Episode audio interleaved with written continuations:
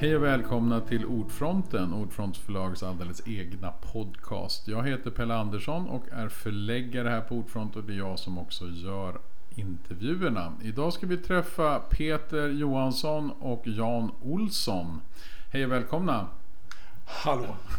Tack. Ni har precis tillsammans satt ihop boken det kallar, De kallar honom Supersnuten, Jan Olsson, ett polisliv.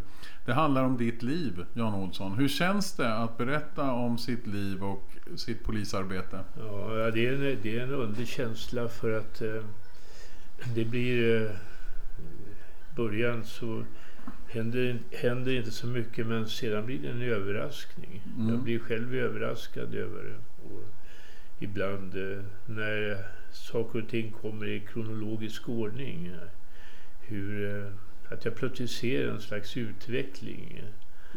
Någonting som har hänt och jag ser också hur samhället förändras runt omkring mig och mina egna levnadsförhållanden förändras. Mm. Och allting kommer i ett nytt och mer förklarande ljus för mig faktiskt. Mm. Det är en annorlunda känsla. Jag förstår det. Och Peter, var du också överraskad när du över just kanske hur polisen eller samhället har utvecklats? Jag kan ju själv bli det när jag har läst boken, att det är så mycket som har hänt. Mm. Kanske över att det gick att se de, de, de mönstren i hela samhället utifrån den brottslighet som har varit kanske. För jag, jag blir så förvånad där när du börjar ditt polisliv att det är, Nu har jag ju sagt fel så många gånger. Värja eller sabel? Sabel heter Sabel, polissabel. Värja är så tre musketörerna. jag är inte så bra på vapen som ni märker. Men, men, men det känns ju som att det är ett väldigt länge sedan. Fast det inte är så länge sedan. Upplever du det så också Jan? Att det var länge sedan? Ja, jag Ja. gör Mm. nog det. Jag, när jag tänker, på, jag tänker på det här vapnet och Mm. sabeln som Mm. jag hade, som hängde vid sidan. Och, Mm. och som var till allmänt besvär när jag skulle gå in i en bil till exempel. För att eh, den fastnade i dörren när jag skulle stänga den. Mm. Och, eh, men den var, eh, den var naturlig att eh, ha där. Mm. Och eh, var också på sitt sätt eh, använd, användbart som, ett avskrä- som en avskräckning. Den, Mm. den var ju skrämmande. Men kunde man använda den överhuvudtaget? Alltså på riktigt använda den? Ja, det Mm, hände. det hände. Det hände ja. Mm. Mm.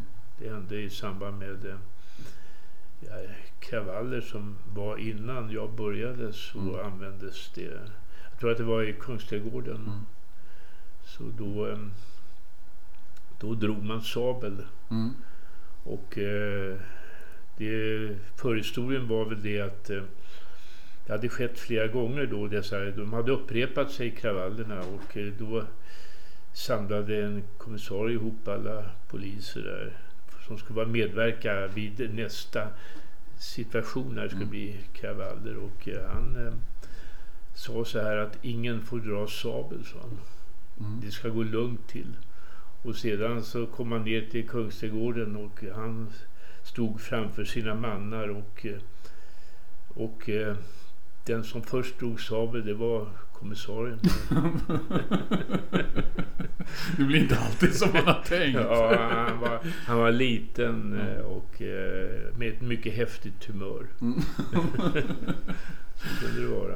Ja. Men eh, det här brottsligheten då, hur, hur tycker du då Jan att den har förändrats eller utvecklats eller vad ska vi säga om den? Alltså då när du började, var det, var det våldsammare eller var det mindre våldsamt? Eller hur, hur skulle du säga i stora drag? har Samhället. Samhället var ju våldsammare på den tiden. Mm, Människor var våldsammare mot varandra.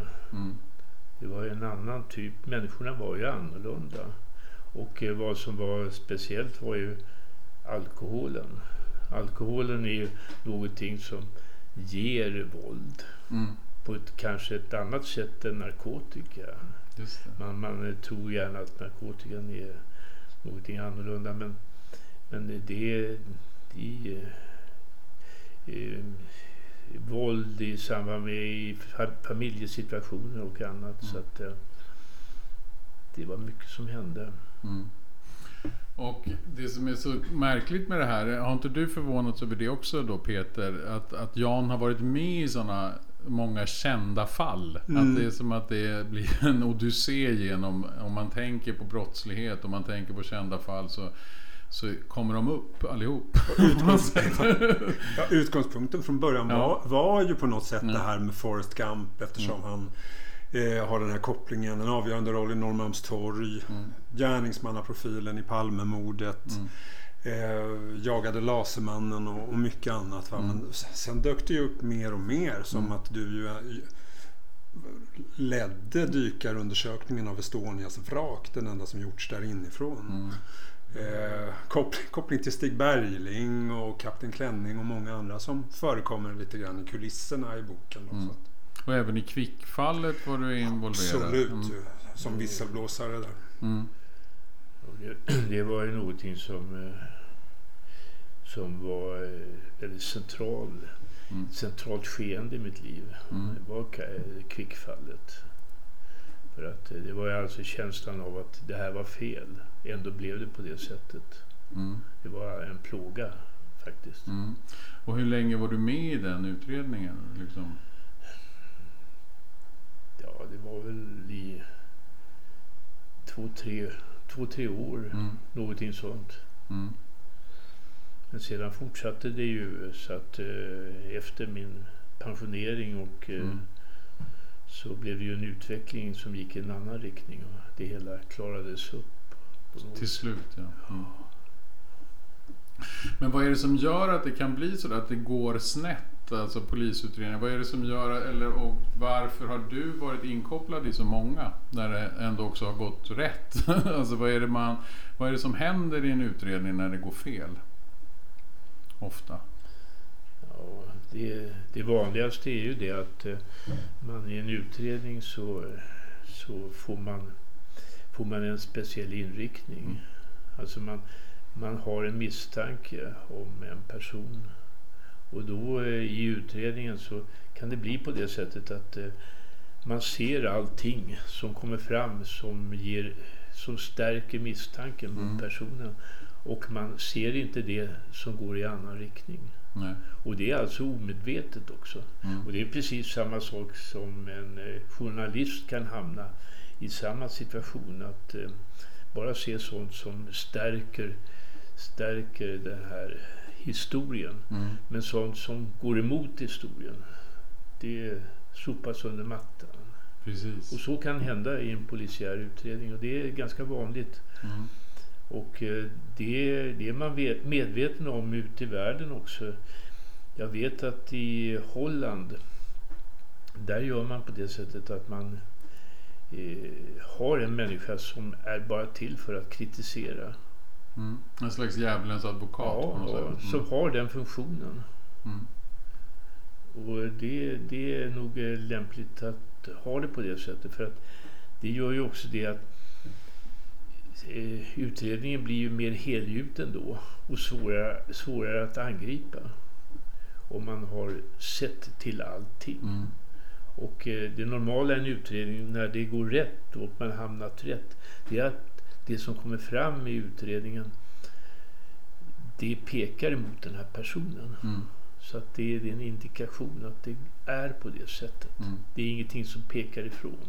Däremot när, när det plötsligt börjar komma uppgifter som pekar i annan riktning så, så är det ofta fel.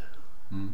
Och de utredningarna, om de inte har klarats upp så brukar de utmärkas med att man säger så att de är polisiärt uppklarade. Just det, precis.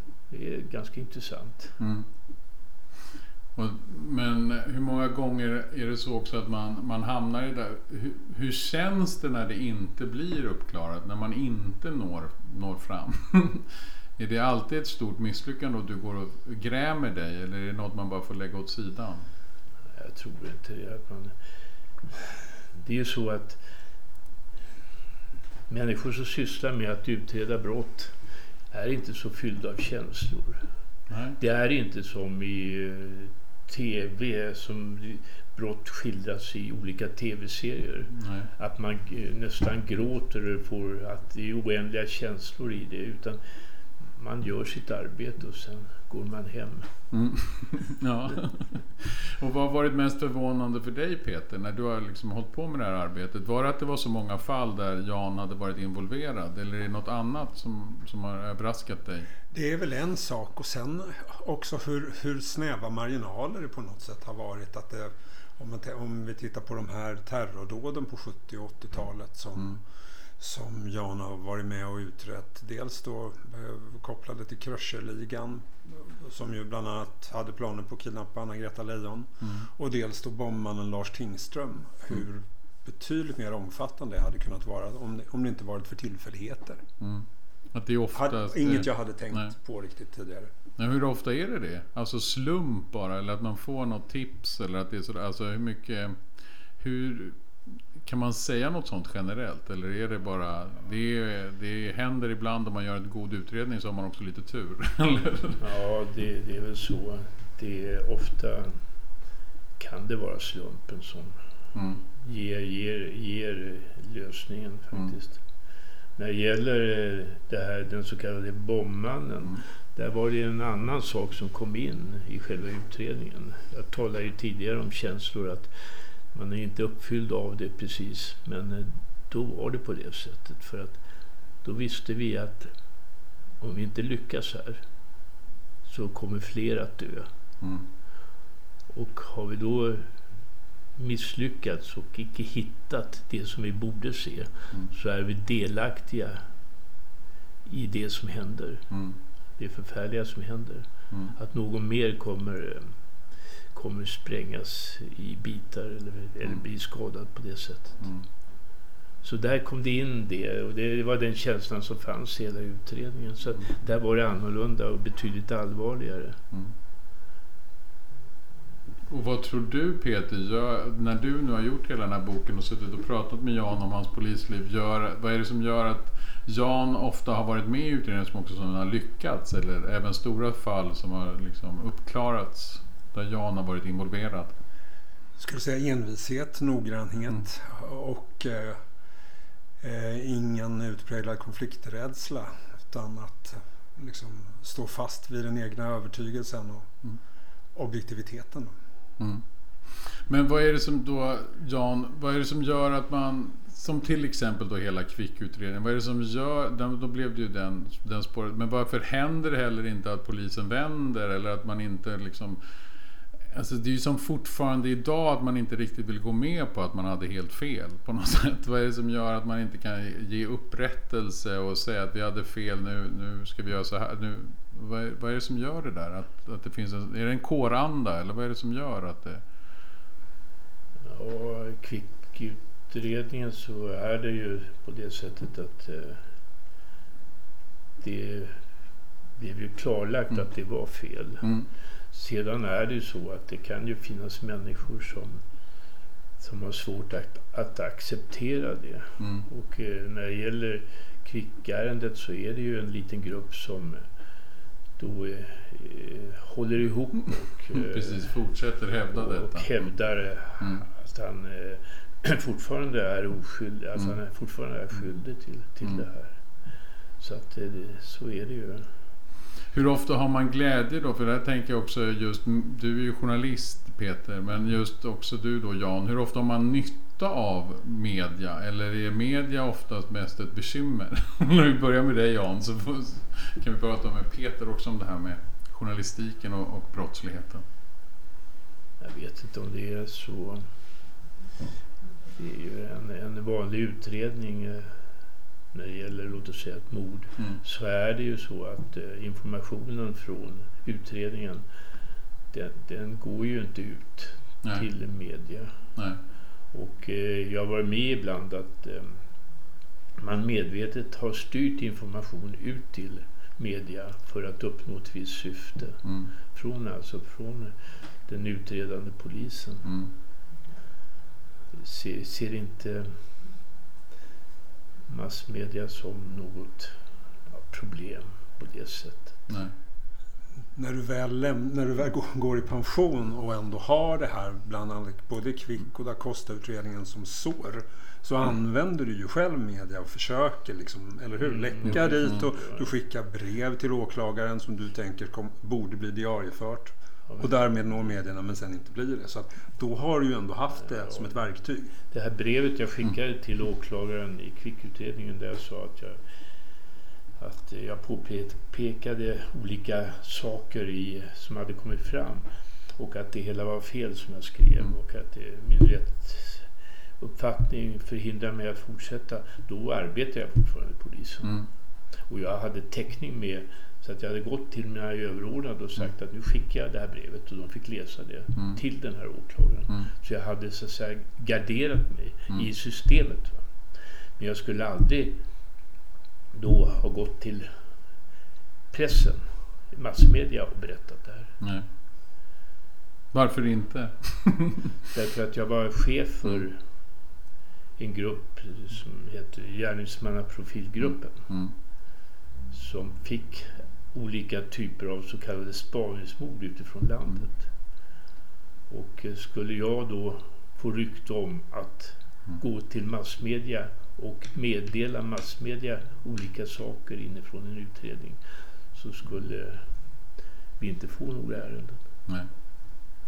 Och det där med att just att man gör utredningar som just kvickfallet. Vad är det värsta med att, man, att det går så snett? Är det att man faktiskt då inte heller hittar alla de mördare som faktiskt... Alltså morden har ju ändå skett, eller hur? Och de anhöriga är ju Mm. rejäla offer i Mm. samband med det. Precis. Är det just det man tänker på, de anhöriga? Eller tänker man mest på att man vill egentligen sätta dit de riktiga mördarna? Eller vad är det som gör att man då blir upprörd eller tycker att det är åt helvete? Jo, det, det, det, det är ju... Överhuvudtaget var det djupt obehagligt Mm. allting. Att eh, det blev på det sättet. Mm. Att eh, alla dessa, dessa ärenden som... all- Allt som han dömdes för Mm. som visade sig och man kunde nästan se att det var fel. Mm. Och eh, anhöriga, ja... Det väsentliga var att det var fel. Mm. och då tänker man samma sak med ett annat känt fall, Palmemordet. Som också nu är då uppklarat en- enligt, enligt Polismyndigheten, eller vad ska vi säga, enligt åklagaren. Vad, vad, vad tycker du om det?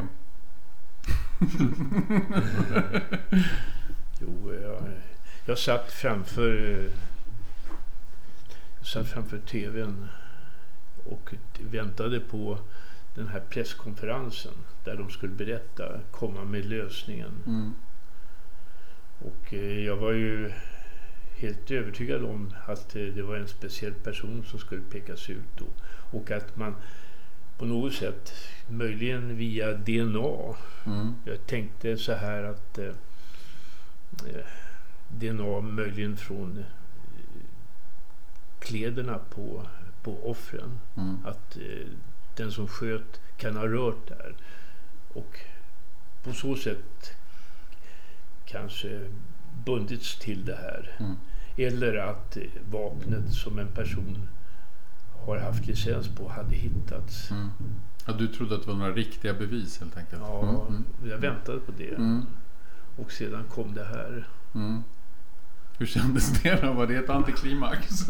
Ja, det kändes närmast lite lätt löjligt. Mm. Oprofessionellt och amatörmässigt. Mm.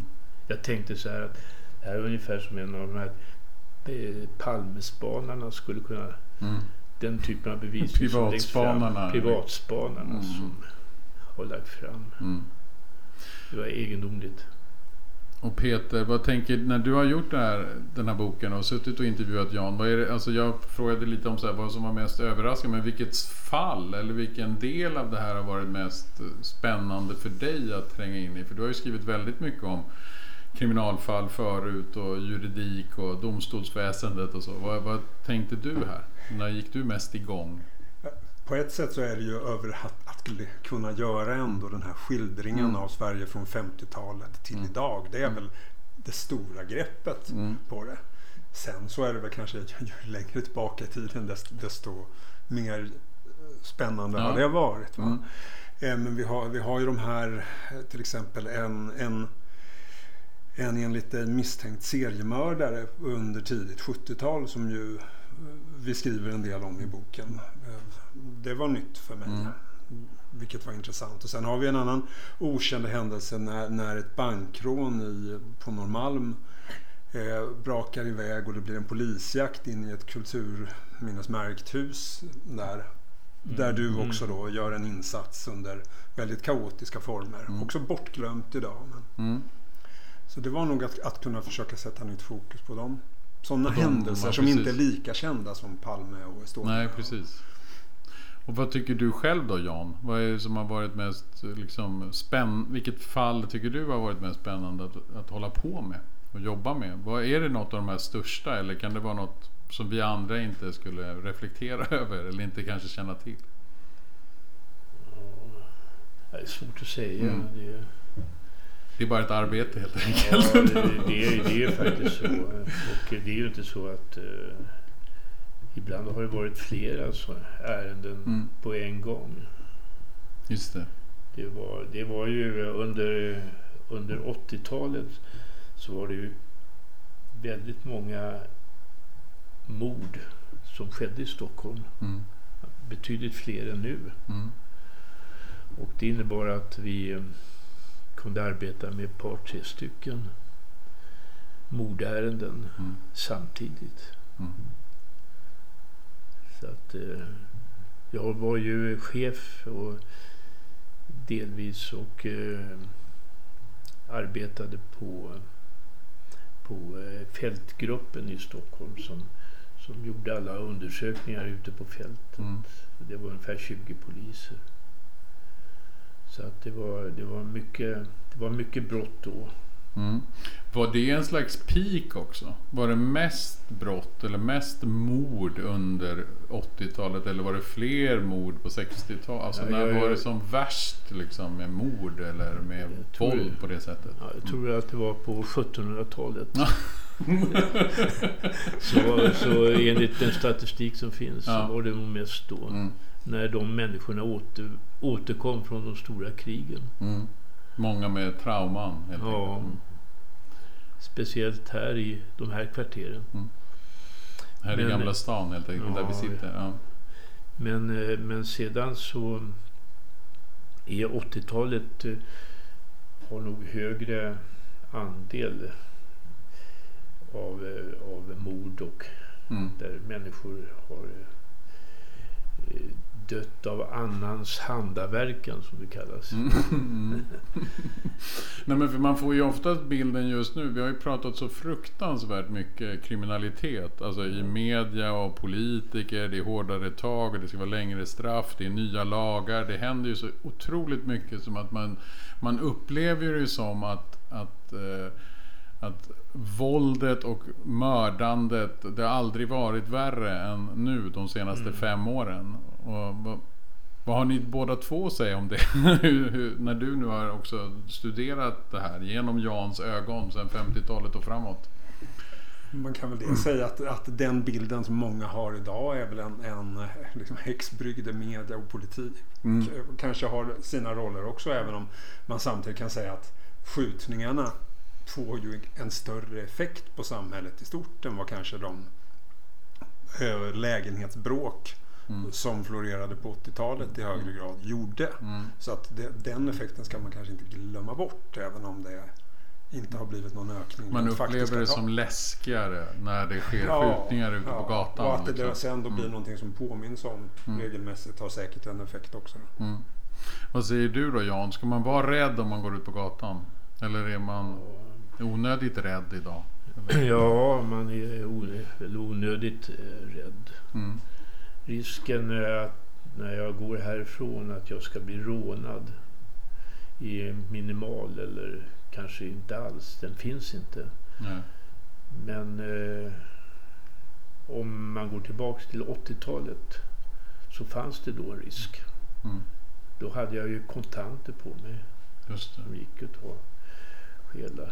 Jag hade andra saker också. Mm. Och eh, så att eh, det, det, det samhälle vi lever i idag är betydligt lugnare än, än, än vad det var en gång i tiden. Vad är det som gör då att man inte då, alltså jag menar nu, jag kan själv tänka när man tittar på, på bra, alltså jag tycker det känns som att det blir fler poliser, det blir liksom hårdare fängelsestraff, det kommer nya lagar och mer övervakning och allting. Varför blir det inte så att det här liksom upphör då? då? Gängskjutningarna och gängkriminaliteten och så. Vad är det? Är det ett polisiärt problem? Är det mycket att vi inte ordnar det här med gängskjutningarna och inte får ner dem eller att det eskalerar hela tiden? Är det en organisationsproblem hos polisen eller är det ett stort samhällsproblem ja, det, i övrigt? Liksom? Ja. just det. Att, att det här problemet det, det, är ju, det är ju väldigt stort och det är väldigt specifikt. Mm. Och eh, alla undrar vad ska man göra åt det? Mm. Och hur kan det ha uppkommit? Och man talar om olika delar av eh, sociala kontakter och annat i de här utanför, utanförskapsområdena. Mm. Men man ställer inte frågan så här. Hur har det polisiära, den polisiära organisationen fungerat? Nej. Det är ju rimligt att det, den som är ytterst ansvarig för ordningen. Där borde ju journalister och andra ställa sig frågan så här varför, varför har det blivit på det här sättet? Vad har ni gjort som ni borde ha gjort bättre? Mm. Men det är ingen som frågar det. det. För det förefaller politiskt omöjligt att ställa den frågan. Utan man säger sig att nu ska vi ha 5000 fler poliser ut och eh, utbilda mm. och göra annat. Precis. Men jag börj när jag började och gick och patrullerade med min sabel hängande. Precis. så, så gick poliser runt om mm. i hela Stockholm omkring på gatorna. Mm.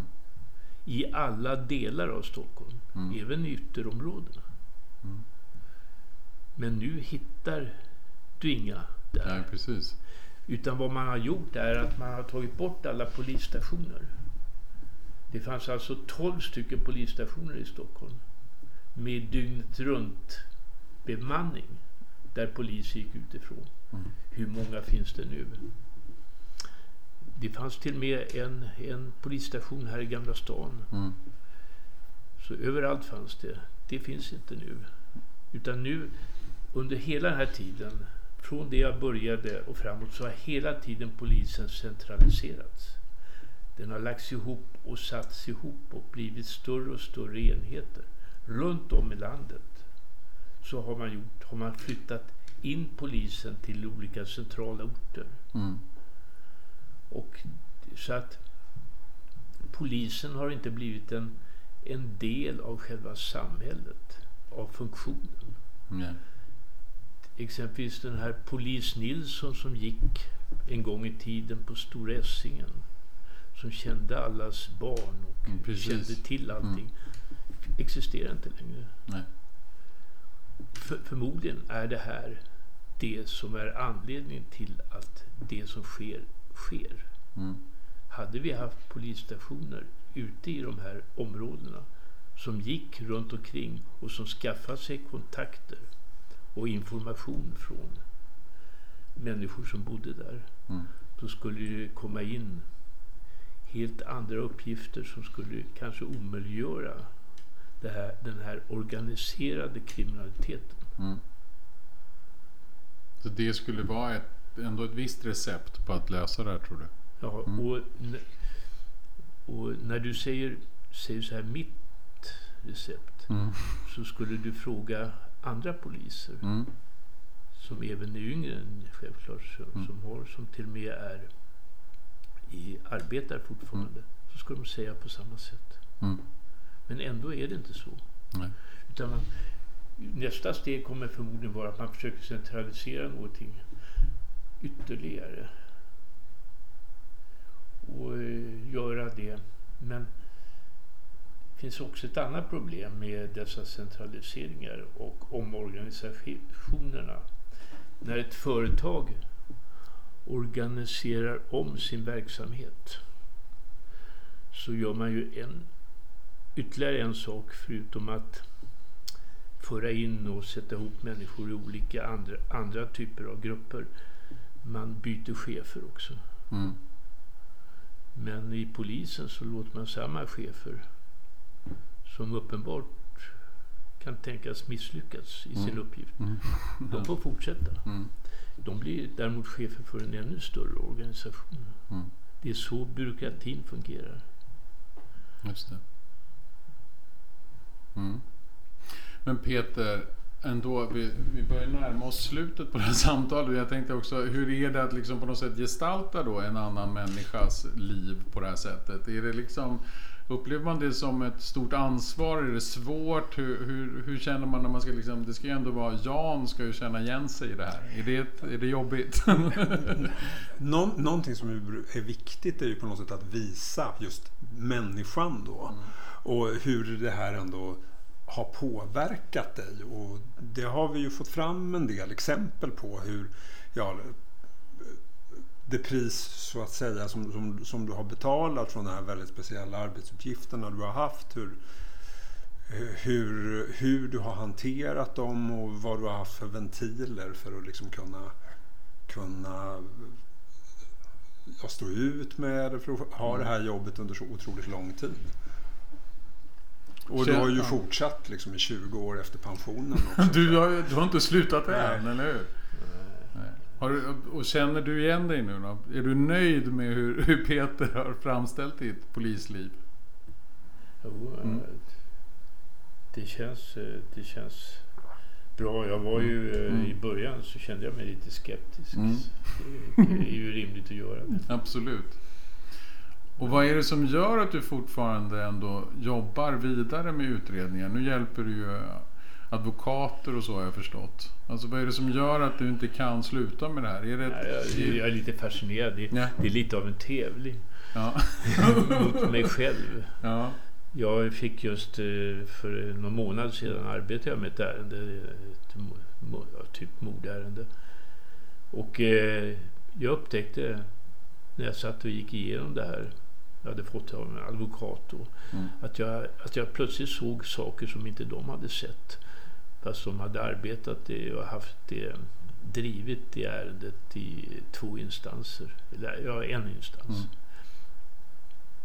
Och det var saker som eh, förmodligen kan, ja, i alla fall ha en betydelse. Så att jag kommer att vittna då någon gång i januari Mm. i en hovrätt på Mm. det. Och jag är fascinerad över att jag, att jag i min ålder kan se saker som andra inte har sett. Ja. Det är Ja. spännande tycker ja, jag. men det är ju spännande. Ja. Har det också varit väldigt spännande att göra det här Peter? Det tycker jag Mm, ja. absolut att det har varit. Mm. Mm. och få se, komma så här nära Ja. polisverkligheten. Ja, och, och att eh, jag får an- anledning att fördjupa sig i en stor del av den svenska nutidshistorien Mm. och sådär. Absolut. Mm. Ja, tack så hemskt mycket Peter Johansson och Jan Olsson för att ni kom hit till Ordfronten. Tackar. Men framförallt för att ni tillsammans har gjort boken De kallar honom Supersnuten. Jan Olsson, ett polisliv. Tack så hemskt mycket. Det var allt för Ordfronten för den här gången och vi återkommer med nya avsnitt så småningom. Tack och hej!